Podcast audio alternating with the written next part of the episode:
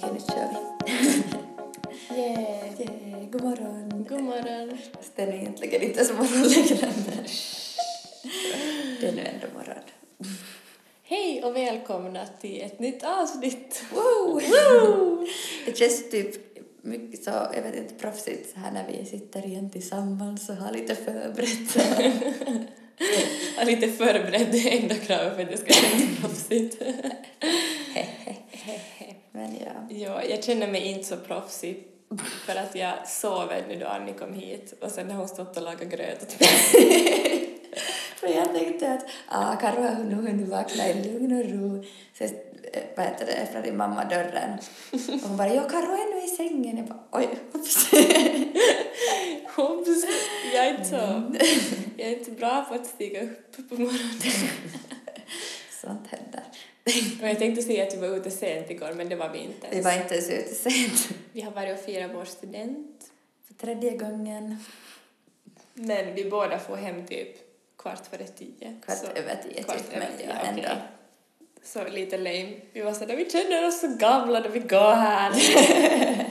Alla far och festar, vi bara får hem och sova. Men det var, det var ett bra beslut. Ja, det tycker jag också. Men, på tal om det, hur har din vecka varit?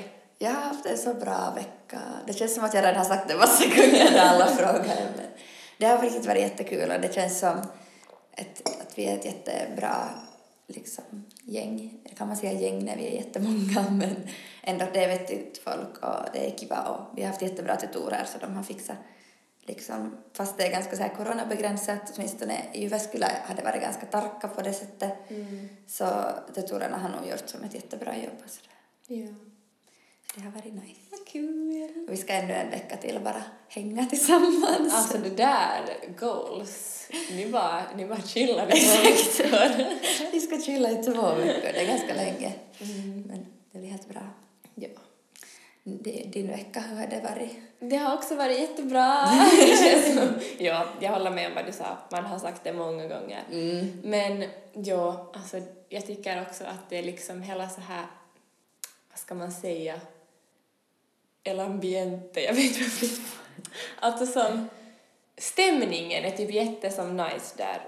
Vad jag nu har känt av i alla fall, där jag har börjat studera. Jag har alltså börjat på samhällsvetenskaper i Åbo, om det är någon som missade. Ehm, och det har också varit ganska coronabegränsat nu första veckan, men det har ändå varit jättekul. Och det känns som att det är jättekiva människor där, så jag är ännu mer taggad nu och inte alls lika nervös mer. Mm, alltså same, jag känner typ att den här första veckan så jag var som, så otaggad, jag bara, jag vill inte, allt är bara jobbigt och läskigt och svårt. Typ. Men nu känns det just sådär att det är liksom mycket tryggare för att man vet att det är kiva människor och sen alltså psykologistuderande är sådär fördoms, enligt fyller alla fördomar om psykologistuderande.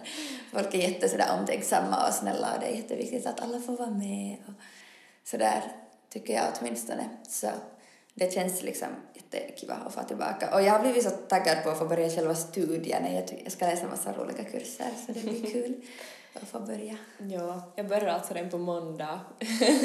Men det, jag är också taggad. Alltså jag, jag ser fram emot att lära mig saker igen för att it's been a while. Ja, jag tänkte typ i somras, eller i början av sommaren, att herregud, att när det var andra som var sådär åh jag är så taggad på att börja skolan igen och jag bara nej, jag vill aldrig mer, jag är så trött fortfarande. Men nu är jag nog helt redo att börja liksom, ja, plugga igen. ja, ja. Det känns jättekul. Ja. Vad kul att vi båda är så taggade. Yeah, jag Ja. vet. Wow. Wow, det händer inte ofta tänkte jag det händer, men det gör det inte. Whoops. Men det är kul ändå. Eller ännu roligare kanske just därför. Mm. Men ja, det här egentligen går helt bra in på mitt tips som är att liksom, speciellt om det är folk som nu går i gymnasiet, så liksom våga fundera på att studera på finska. Speciellt om ni liksom kan någorlunda finska eller om ni tycker att liksom utbudet på svenska är begränsat för att Alltså folk har varit jätte, jättevänliga och varit, tyckt, kommit typ sådär oj var det du som var den där svenskspråkiga? Vad roligt! och sådär. Att folk tycker bara det är liksom en kul grej att man inte pratar svenska som sitt mål, finska som modersmål och ja sådär. Det känns nog som att man liksom får den hjälp man behöver och det är liksom ingen som skulle skratta åt en. Så alltså försök att fundera för att det finns mycket större studieutbud i Finland på finska än vad det finns på svenska så man kan läsa jättemycket mera olika och mycket mer specifika saker. Så folk är nog välkomnande och det är liksom schysst fast man är svensk. Alltså Jyväskylä är en helt finskspråkig stad, jag är typ, och jag är den enda av oss 90 gulisar som är svenskspråkig. Men alltså jag, ja, det känns bra ändå. Inte för att det är lätt att säga nu när vi bara har chillat i en vecka men jag har nog high hopes om att det inte kommer vara ett problem överhuvudtaget. Så.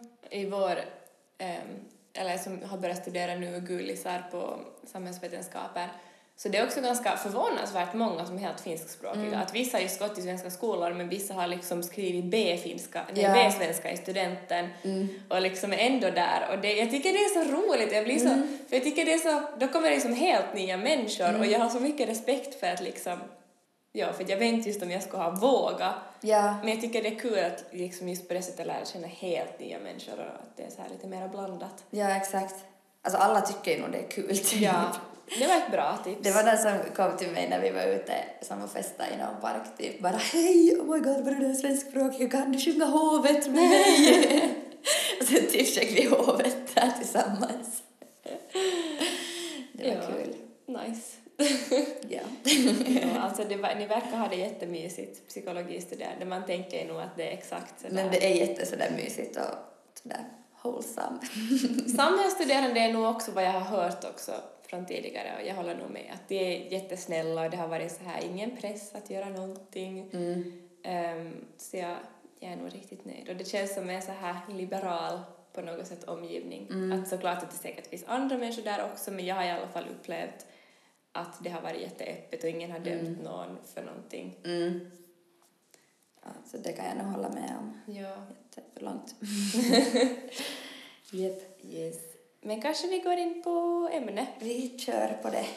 Um, idag har vi tänkt prata lite så här om hur det är att på något sätt på något sätt, på något sätt, på något sätt vara ung i politiken eller som att vara ung och intresserad av politik och typ mm.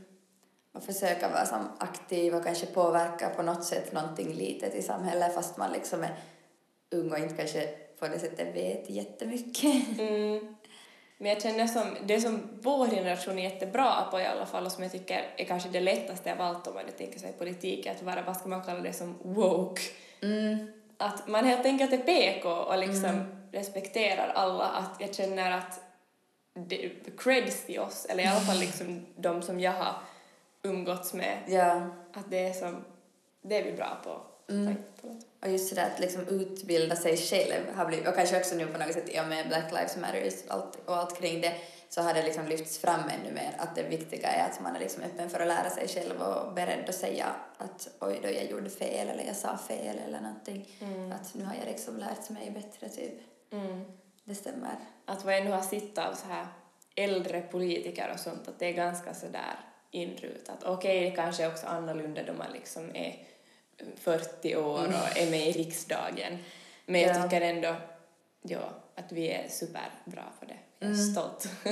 alltså faktiskt, jag skulle säga att, jag är nu, att det känns som kul att just vara ung och intresserad kanske av liksom politik och samhälle för att de unga förebilder jag har inom just det ämnet tycker jag är jätte, liksom just duktiga på att försöka ha någon slags bred och så här intersektionell liksom, politik och intersektionell feminism och allt möjligt. Mm. Liksom att det, man verkligen hela tiden försöker på något sätt lära sig mer och ta alla i beaktande och sådär.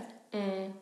Och det känns som att det är typ en helt annan grad har blivit som sådär att rasism är inte en åsikt och homofobi mm. är inte en åsikt utan du är bara en skitstövel om du är ja. rasist eller homofob. Att, ja, mm. det, jag tycker det känns, det känns bra. Ja, absolut. Gen Z. Gen Z är nog bra. Och det tycker jag är kul, alltså, vi kanske kommer in på det så småningom, men så här sociala medier, så typ på TikTok är det jättemånga som liksom själv har någonting att prata, alltså typ svarta personer som pratar om rasism, eh, liksom... Autistiska personer som... Pratar om, jag vet inte vad det heter på svenska, men sådär liksom alltså förtryck mot folk med olika funktionsvariationer eller funktionsnedsättningar. Mm. Och just sådär personer med ADHD som pratar om hur de har ADHD och liksom just mycket så här liksom mer mentala saker Ja. också som jag tror att kan vara bra just att höra från en Ja. specifik person. Just att man liksom får höra verkligen folks riktiga upplevelser, liksom att hur är det att vara, vara en person som har kanske någon kronisk sjukdom eller någon funktionsnedsättning eller funktionsvariation, jag vet inte Mm. Vilket man hellre ska använda, men ja. Ja, se nu försöker vi igen. Men det är just det också att man vet ju inte alltid heller vad som är Nej. rätt. Men ja. Man får väl, ja alltså sådär att det kan ju hända att jag säger något som är fel och det är helt okej och då får man gärna rätta mig så kan jag försöka liksom lära mig att agera och prata på ett bättre sätt i framtiden. Mm. Jo, men just alltså på tal om sociala medier så det känns ju nog som att mycket det är ju mycket vi kan göra också för att vi kan ju inte, nåja, vi skulle ju i princip kunna ställa upp i val men då man är 16 så kan man inte. Att just sociala medier har blivit en jättebra kanal på något sätt och jag tycker i alla fall att aktivism på sociala medier är jättebra av jättemånga orsaker. Dels för att det för mig till exempel är jättelättillgängligt. Ja, det är ju lättillgängligt för typ alla. Ja, exakt. Men det som jag tycker är typ farligt med sociala medier-aktivism är liksom hur, samtidigt hur mycket liksom på ett sätt risker det finns. Att det kan ju lätt bli lite sådär eh, liksom reduktionistiskt, alltså- alltså så att man förenklar väldigt långt för att det är svårt att förklara jättekomplexa saker i liksom ett, en kort video eller en, en, kort text. Och sen så, jag vet inte om du har sett den här Oatly-grejen. Jag har hört att det har varit drama med Oatly. Nu sitter jag här och dricker Oatly just Ja. för tillfället. Alltså jag har också Oatly i mitt kylskåp. Men ja, så jag läste liksom, först såg jag just mycket som delade som sådär att åh vi måste bojkotta Oatly, att det finns andra, de liksom skövlar regnskogen typ och sen så liksom lite senare så läste jag något annat som var liksom kanske lite mera djupgående eller liksom analytisk text om vad det på riktigt innebar. Så där är kanske att risken är att man som ser och delar och blir arg eller att det väcker jättemycket känslor och då sprids det mycket snabbare sånt som väcker känslor och sen så delar man sånt som kanske inte helt stämmer. Mm. Medan man egentligen borde vänta på de här tråkiga, krångliga svaren liksom att å ena sidan och andra sidan för att de kanske är mera korrekta men samtidigt är de så mycket tråkigare och de väcker inte lika mycket känslor så de får inte lika mycket spridning. Det är just det att det är liksom så sällan som saker är svarta och vita och man vill ju så gärna ha det där just att man vill vara fullt för eller fullt emot någonting. Men det går oftast inte. Nej, det tycker jag är alltså typ jätteviktigt att komma ihåg sådär att saker är krångliga. Och det är ändå viktigt alltid just då man tar del av liksom andras aktivism att vara kritisk. Att jag brukar ofta då jag ser nyheter sen börja googla på dem också för att se om det faktiskt stämmer. Mm. Eller att är det bara liksom just sådär förenklat av någonting som är annorlunda.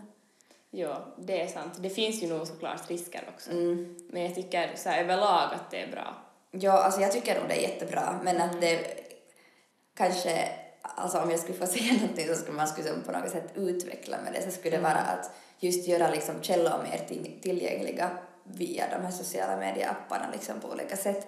Och sen kanske att folk verkligen skulle orka läsa på lite mera och gå liksom in och kolla vad allt handlar om och kanske läsa ur lite olika synvinklar. För jag uppfattar nog ibland själv att vissa personer som jag följer kommer med väldigt starka saker som jag är sådär wow, det där är så sant. Men sen när jag funderar och läser en annan synvinkel så blir man mycket mer som skeptisk. sådär. Exakt, exakt. Att så här första tanken bara wow och sen när man börjar fundera på det och kanske googla runt Ja. lite så blir man sådär att Så man sådär ah. det, det var inte så där lätt. Ja, alltså typ att det, det var en väldigt intressant tanke men jag kanske inte ska stjäla hela tanken utan bara sådär ta med lite av den. Typ. Men det är ju bra också. Alltså någonting ja. får man ut av det i alla fall. Ja, och det är ju nog också bra med sånt som, alltså ibland kan det ju vara jättebra att öppna med någonting som är sådär radikalt. Så att man får uppmärksamhet. Exakt, och väcka typ diskussion. Så, Jo, sen lite relaterat till det där också kanske, som jag tycker nästan blir ännu farligare och kan vara som skadligt också, att om det är någon specifik person man pratar om, hela det här liksom cancel culture, ehm, att någon har sagt något rasistiskt år 2013 då de var 15 år och sen så blir de helt hatade av alla. Att det är just det som är farligt med sociala medier också, att det så lätt blir sådana här drev mot personer som inte alls förtjänar så mycket hat som de får. Att om man har gjort något då man var ung och lärt sig efter det och ber om ursäkt så borde folk inte liksom hata på en. Eller det är min personliga åsikt i alla fall. Och då blir det ganska lätt, då man så lätt kan samla ihop så mycket människor på sociala medier och just kändisar som har fans som de skickar någon på någon annan. Så det blir, det är ganska riskabelt tycker jag och det kan skada enskilda människor helt jättemycket. Ja, alltså jag äh, håller med om det där med att liksom det viktiga på något sätt är just att be om ursäkt för att Mm. annars så vågar ju ingen heller engagera sig i diskussionen.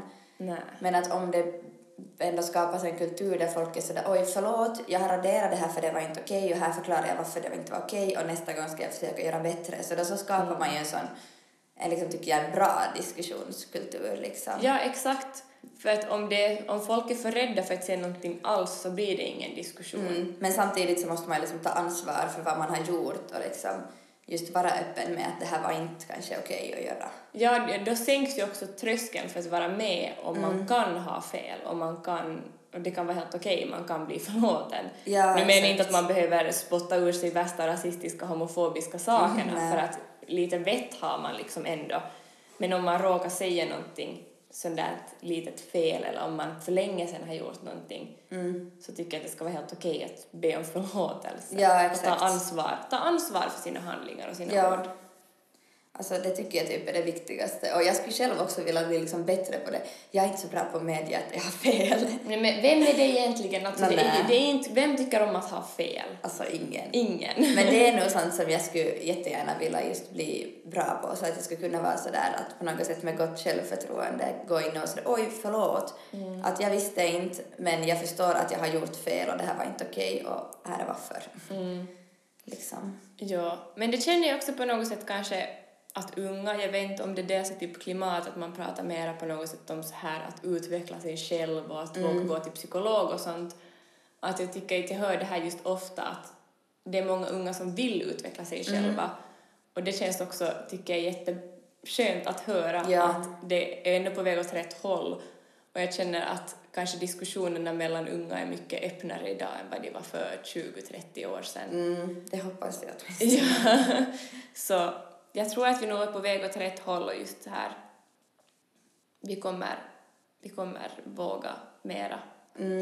Och sen kanske just alltså vad jag tänker sådär lite fördomsfullt här, så på mindre orter blir det kanske lättare en sån kultur där man liksom pratar på sätt som kan vara kränkande eller sådär för att det inte finns kanske lika mycket olika personer och sådär.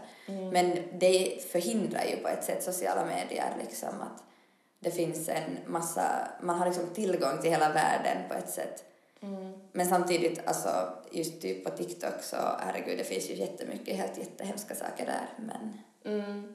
Det är just sådär också att ibland blir jag ju nog sådär att oj, jag lever ju nog verkligen i en bubbla. Då man just hör om någonting som de här Sannfinländarna unga har skrivit på sin Instagram då de hade ett aprilskämt om att de accepterar alla sexualiteter och sånt. det var ganska hemskt. Det var, alltså det var sjukt. Fast de får väl inte längre statsstöd för att de är för rasistiska. Ja, exakt. Men ändå att Sådär, men- de, såna existerar ännu och det, det glömmer man också bort. Ja, alltså det där är så svårt med så här bubblor för att på, samtidigt är det liksom ett medvetet val att umge, oh, umge, omge mig med personer som liksom är accepterande till exempel av min sexualitet och mitt val och inte vara med i kyrkan och allt sånt. Men sen samtidigt är det ju på något sätt en risk för att då hör man inte tillräckligt mycket liksom annat eller lika mycket olikheter och då liksom utmanas inte man kanske lika mycket i sitt tänkande heller. Nej, men alltså det är just det, man, jag vill ju inte vakna på morgonen och det första jag ser är någon så här homofobisk Ja, det tweet. Det är liksom inte bra för min mentala hälsa om något annat. Mm. Och jag känner inte att det ska vara på mitt personligt ansvar att som defenda mina egna mänskliga rättigheter. Mm.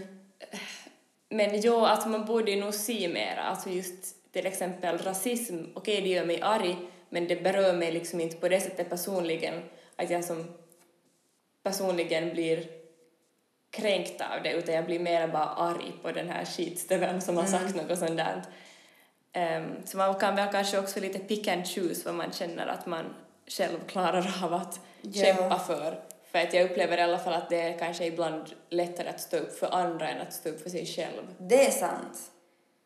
Sen får man hoppas att andra står upp för en. Ja. Mm.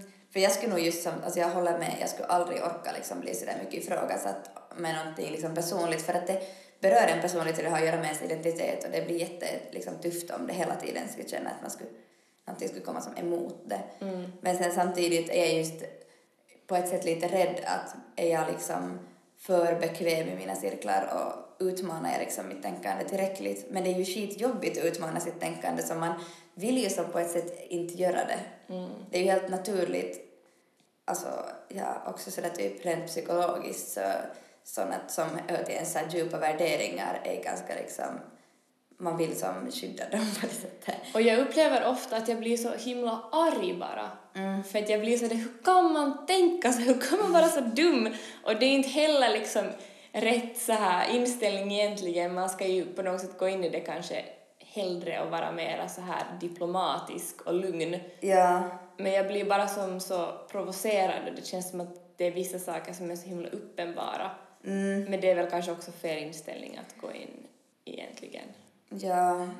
Gå in med. Det, kanske man borde som öva på något sätt på att så förstå andra utan att tänka att man måste acceptera deras åsikter. Jo, och det skulle jag, alltså för mitt utbyte i Uruguay så känner jag ändå att jag på något sätt lärde mig lite det, för att där var det nog väldigt mycket som åsikter som jag bara inte kunde stå bakom. Mm. Ehm, så då var man sådär, okej men jag förstår liksom, de har vuxit upp så här, de har, det Ja. så här. Ehm, så ja. Och jag menar om jag funderar på en karriär inom att bli diplomat eller ambassadör så är det definitivt något jag borde jobba på för att det är ganska viktigt. Ja. Mm. Men ja, jag känner nog att jag ändå utåt sett kan i alla fall vara ganska diplomatisk. Ja, jag om det hoppas jag behövs. också kan det. Jag försöker nog som aktivt hela tiden liksom vara, alltså inte vara dömande eller sådär. Men alltså det är som så mycket man märker att det på något sätt går automatiskt och sen måste man liksom korrigera det i efterhand nästan för att det är så mycket som är inlärt och sådär. Men min, jag försöker ändå som leva enligt den regeln att okej om ingen så här direkt dömer mig så varför ska jag döma dem då? Mm. Ehm, och just att alltid lyssna till slut på folk och inte dra förhastade slutsatser. Att bara för att någon är på ett visst sätt behöver inte betyda att du tycker alla de här sakerna utan Mm. Men samtidigt, eh, alltså, jag håller med om det där, men sen vill jag liksom inte heller ge plats i diskussionen åt sånt som inte är liksom okej på det sättet. Alltså som jag blir jätteirriterad när det ibland liksom publiceras insändare, eller till exempel de här eh, prästerna i Kristinestad, det var ganska länge sedan, men som det publicerades en insändare som jag tror sen liksom helt, det blev polisen, polisutredning för att det var liksom hets mot folkgrupp. Eh, så då är jag som, samtidigt just sådär att jag vill inte ge plats i diskussionen åt liksom sånt som inte på rikt, alltså som är liksom på något sätt inte okej på ett så tydligt sätt. För att jag tänker att jo, jag kan diskutera men det är jättesvårt att diskutera med folk som till exempel inte anser att alla människor har lika värde. Nej, vad ska man liksom säga åt en sån person? Ja, va, liksom, man har som helt o, olika utgångspunkter. Man har helt olika människosyn. Ja, så det blir på något sätt till och med svårt att förstå varann för att allt liksom utgår så, från så olika liksom. Ja, men det är ju en här också, ingenting är svart och vitt och gränserna är väldigt suddiga. Mm. Eh, vad det liksom går över till att vara bara liksom i min åsikt bara fel. Ja, eh, att ja, det är nog jättesvårt. gud det här hoppas jag typ att alltså under min utbildning att jag ska som lära mig att bli bättre på för att om man jobbar som psykolog så kan man ju som inte sitta där och döma folk. Verkligen inte. eller folk kanske, alltså man, inte åtminstone så att man skulle visa det eller uttrycka det på något sätt. Så det blir intressant att se ja, jag taggad på att läsa klinisk psykologi första kursen på våren. Yeah. Men ja, det var ett sidospår.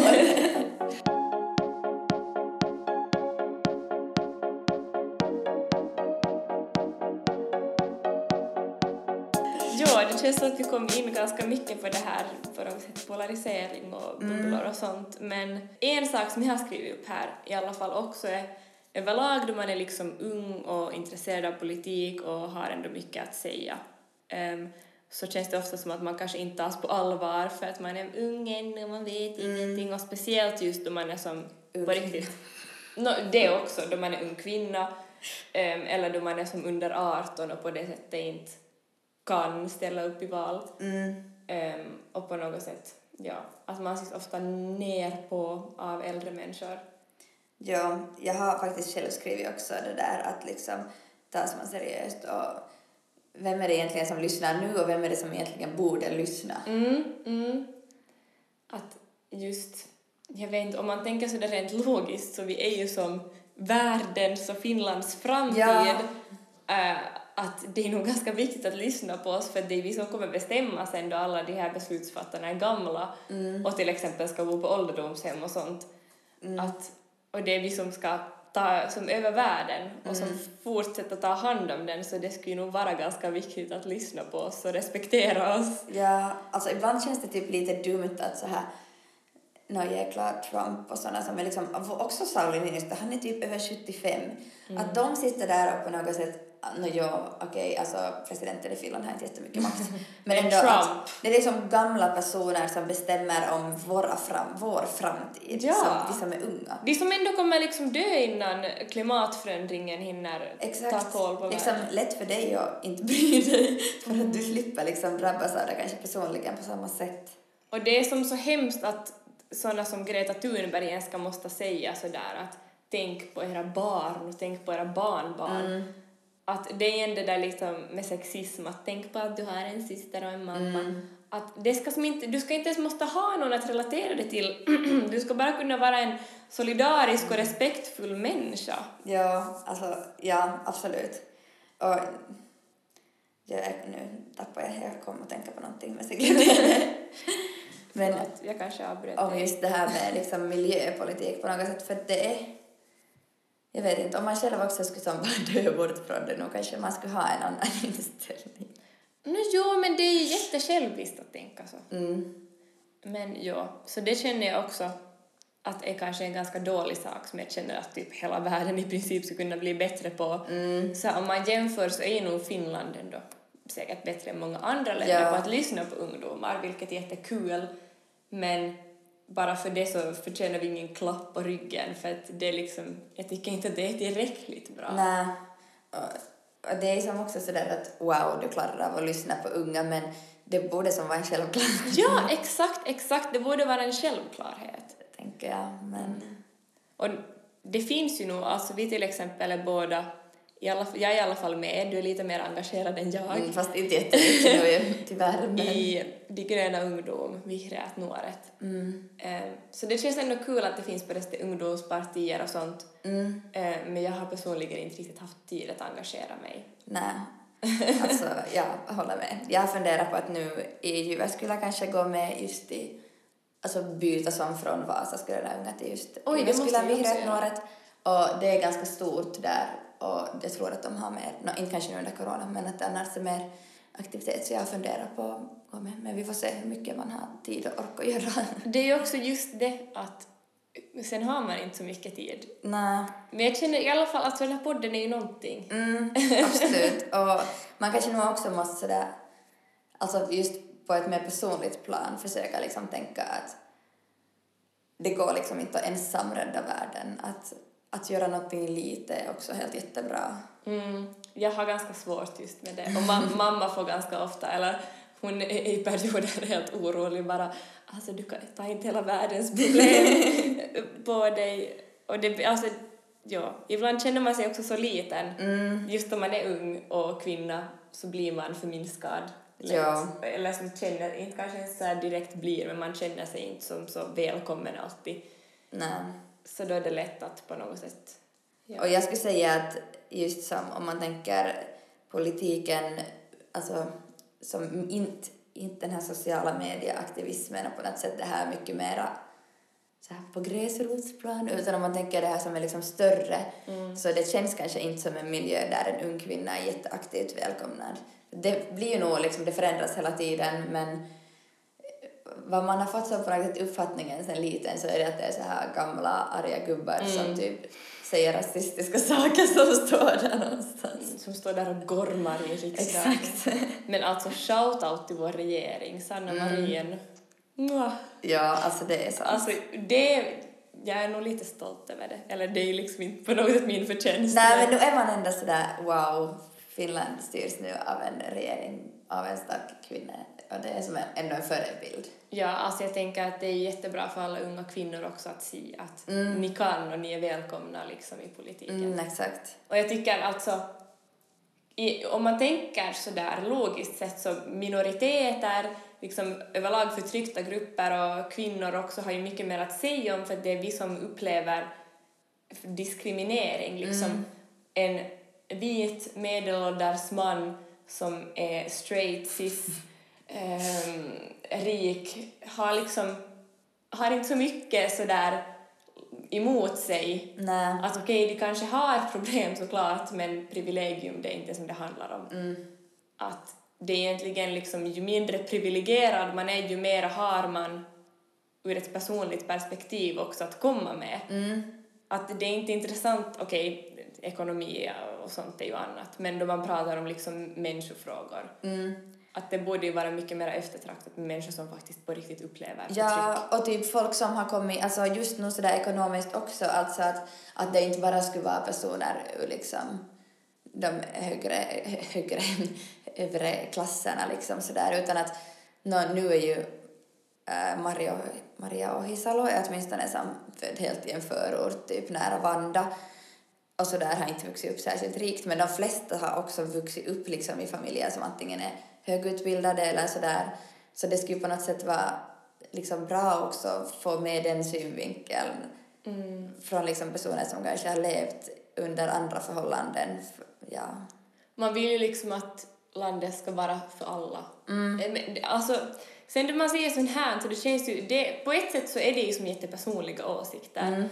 Men, alltså okej, det är min åsikt, då får jag, ja. Mm. Alla kanske inte håller med om att Finland inte ska vara anpassat för alla, men jag känner personligen att det är liksom ganska logiskt att... Ja, och jag tycker att det utgår just från tanken om så här alla människors lika värde Mm. och att det därför på något sätt blir ganska liksom, ja, sådär logiskt självklart nästan att man försöker anpassa så att alla ska ha som så bra möjligheter som, ja, som Mm. möjligt helt enkelt. Och just, ja. Där känner jag att unga nu också har mycket att komma med just till exempel om man pratar om skolor, Mm. så här överlag ungdomsaktiviteter om man ska skaffa någon skatepark någonstans Mm. och sånt här. Att det är nog, vad ska en medelålders man som aldrig har skatat säga om det? Ja, Det är liksom, man borde, nog, man borde lyssna mer på alla och därför också på unga. Att jag tycker att det lätt blir så där bara Nå men lilla flicka, ska, kommer du nu hit och säger Åh, någonting? ja. Alltså, sådär helt... När jag läste i studenten läste jag någon gång att åtminstone i företagsledningar så ju mer liksom divers den där ledningen är så desto bättre beslut och desto bättre klarar sig företaget, speciellt i liksom svåra situationer. Och jag tror nog det gäller också annat, att annars att ju flera olika människor man har som är med och tar beslut och liksom sådär, så då kan man ju få mycket, alltså tillgång till mycket fler synvinklar och då också ta mycket bättre liksom beslut och klara sig bättre i olika liksom kriser och sånt. Jo, verkligen. Så. Så lyssna på oss! Exakt, lyssna på oss. Nej men på riktigt, det är Nej men på riktigt, lyssna på oss. Ja, för att det, många har gått i skolan för länge sen. Hur fan ska de veta om det liksom ännu Hur ska de komma ihåg? Och liksom skolluncher har ändrat sig ett jättemycket. Mm. Specialdieter är helt annorlunda än vad de var för 50 år sedan. Det är Exakt. liksom, Det är nog jättemycket som är annorlunda. mm. Ehm, sen känner jag också liksom att unga överlag tar kanske mera saker på allvar. Dels det här som vi pratar om att okej, vi kommer uppleva framtiden. Det kanske inte en 75-åring på, så, i samma utsträckning kommer Mm. göra. Att vi är som så, just med alla de här protesterna som har varit nu, att vi tar så mycket mera risker Mm. och kämpar så mycket mera och sätter som hela vårt hjärta in i det. Mm. Att just folk brukar som skämta om att den här Gen Z, alltså vår generation, är Ja. helt eh, brutala och liksom alla är bara trötta på världen och ingen bryr sig om om de får en så här tårgas kastad på Mm. sig utan alla bara liksom vi, vi är som det är en helt annan nivå. Mm, alltså det är sådär, Gen Z vågar inte ringa och boka en liksom läkartid själv, men de vågar nog gå liksom ut och riskera typ sin hälsa och sitt liv och gå ut i dessa våldsamma demonstrationer för allas lika rättigheter. Jo, det är ganska... Ja, och alla har mentala problem och ingen bryr sig om, uh, om de skadas. Exakt. Det, alltså, det är lite hemskt och lite sorgligt.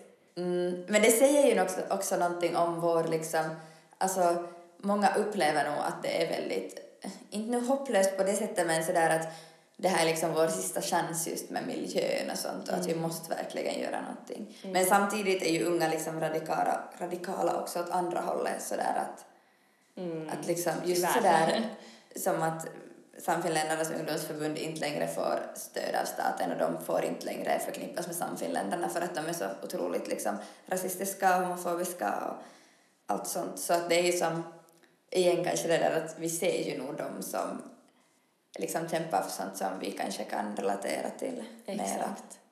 Men det är nog också det att de finns i alla fall och det är det viktigaste. Ja, och just nu om man tittar, alltså det är ju nog många Mm. just så här ändå som är intresserade av miljön och sånt. Och sen överlag, jag vet inte, vi har kanske lite rört runt det här ämnet också, det känns som att mycket mindre saker idag är som tabubelagda och det är mycket mera saker som är helt okej att prata om så då tycker jag att det blir mycket bättre och öppnare diskussioner också där vi faktiskt vågar och många vågar vara personliga och just prata om sina egna problem och sin mentala ohälsa. Och jag tycker att det blir en helt annan kvalitet på diskussionen Mm, då. alltså verkligen. Och jag tänker att det är som samma med så sexuella minoriteter. Att det blir en helt annan sak när de personer som är liksom själva identifierar sig som en sexuell minoritet liksom kan just berätta personligt för att det är också lättare för andra att liksom känna empati och förståelse om det liksom är en speciell individ som man kan liksom relatera till. Och då blir det ju samma. Alltså jag tänker, det känns som att nästan hela tiden så går det så här lite åt gången. Alltså just typ att så småningom så är det lättare liksom att just komma ut och prata om sexuella minoriteter och sen så småningom blir det också lättare att prata om ångest och sen efter det kanske det blir lättare att prata om att man har en diagnos eller liksom sådär att det känns som att det ändå hela tiden går åt rätt håll. Fast det kan ju också hända att jag, alltså just sådär psykologi är kanske inte den minst öppna miljön folk är nog ganska, eller vad jag redan nu har upplevt så är det nog inte så, så svårt att berätta saker om sig själv men Nej, och just som jag tidigare nämnde också att samhällsvetenskapet känns nu också som en ganska så öppen och liberal miljö. ja, Ehm, men inte det kanske ännu som att jag på det sättet har gått och ropat runt om min sexualitet och sånt. Nej. Men såklart att det ibland kommer på tal och det känns som att det hittills i alla fall har känts jätteokej. mm, Så det, det är nog igen liksom de bubblorna vi lever i men okej, alltså jag är helt nöjd i så fall att det ens finns sådana bubblor. ja det är ju samtidigt liksom bra att man kan välja att vara med i en bubbla där man känner sig liksom trygg och välkomnad och accepterad. Ja, men som överlag att jag hoppas också i framtiden, liksom då vi, vår generation, blir politiker, att det liksom i politiska livet kan bli på något sätt en öppnare diskussion där man tar i beaktande också just mera sån här som idag är ganska tabubelagt, inte är det som att sån här gamla gubbar, igen förlåt, sitter och pratar om typ mental ohälsa och hur det är att vara en hbtq-person idag. Eh, Ja. Att det är nog inte speciellt många som gör det, kanske vissa, men det är nog sällan jag hör liksom politiker uttala sig på ett personligt plan om sånt. Sant.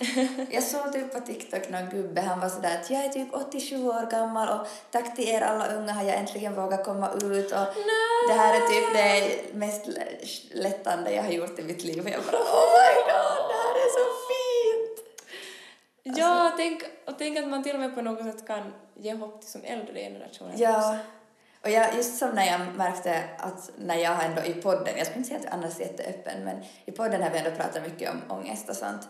Så sen så har jag nog märkt att då har liksom andra också äldre kommit som har varit sådär vänt sig till mig. Men samtidigt, alltså det att jag pratar om ångest i podden betyder ju nog inte att jag alltid vill prata om det personligt heller. Men, Nej. Men alltså man kan ju som säga nej om det, känns, om det inte känns bra. Jag känner, jag skulle vilja vara bättre på det, men jag är ännu ganska dålig just på att på något sätt vara öppen med det, för det känns som att jag vill inte att folk ska typ tycka synd om mig och så vill jag Mm. inte att folk ska vara oroliga över mig och det är inte sagt att de skulle vara det men det är som jag vet inte, jag skulle vilja bli bekvämare med att prata om det men jag har nog Men det är nog jättesvårt jättesvårt. Och sen då det är människor som man just har lärt känna och så här så Ja, det är alltså lite... de...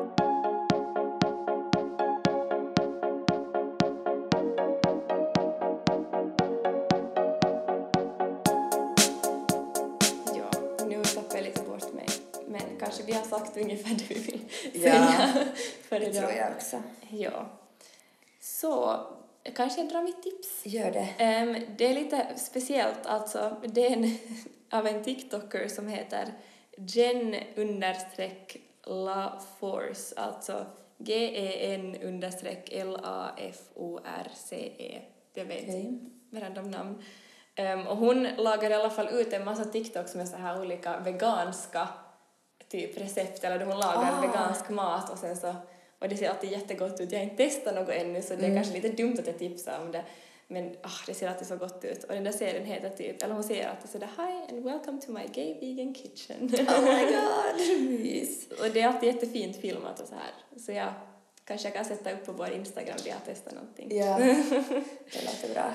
Ja. Jag har sparat typ massa recept och så här Mm. saker jag ska typ sy och virka och sånt.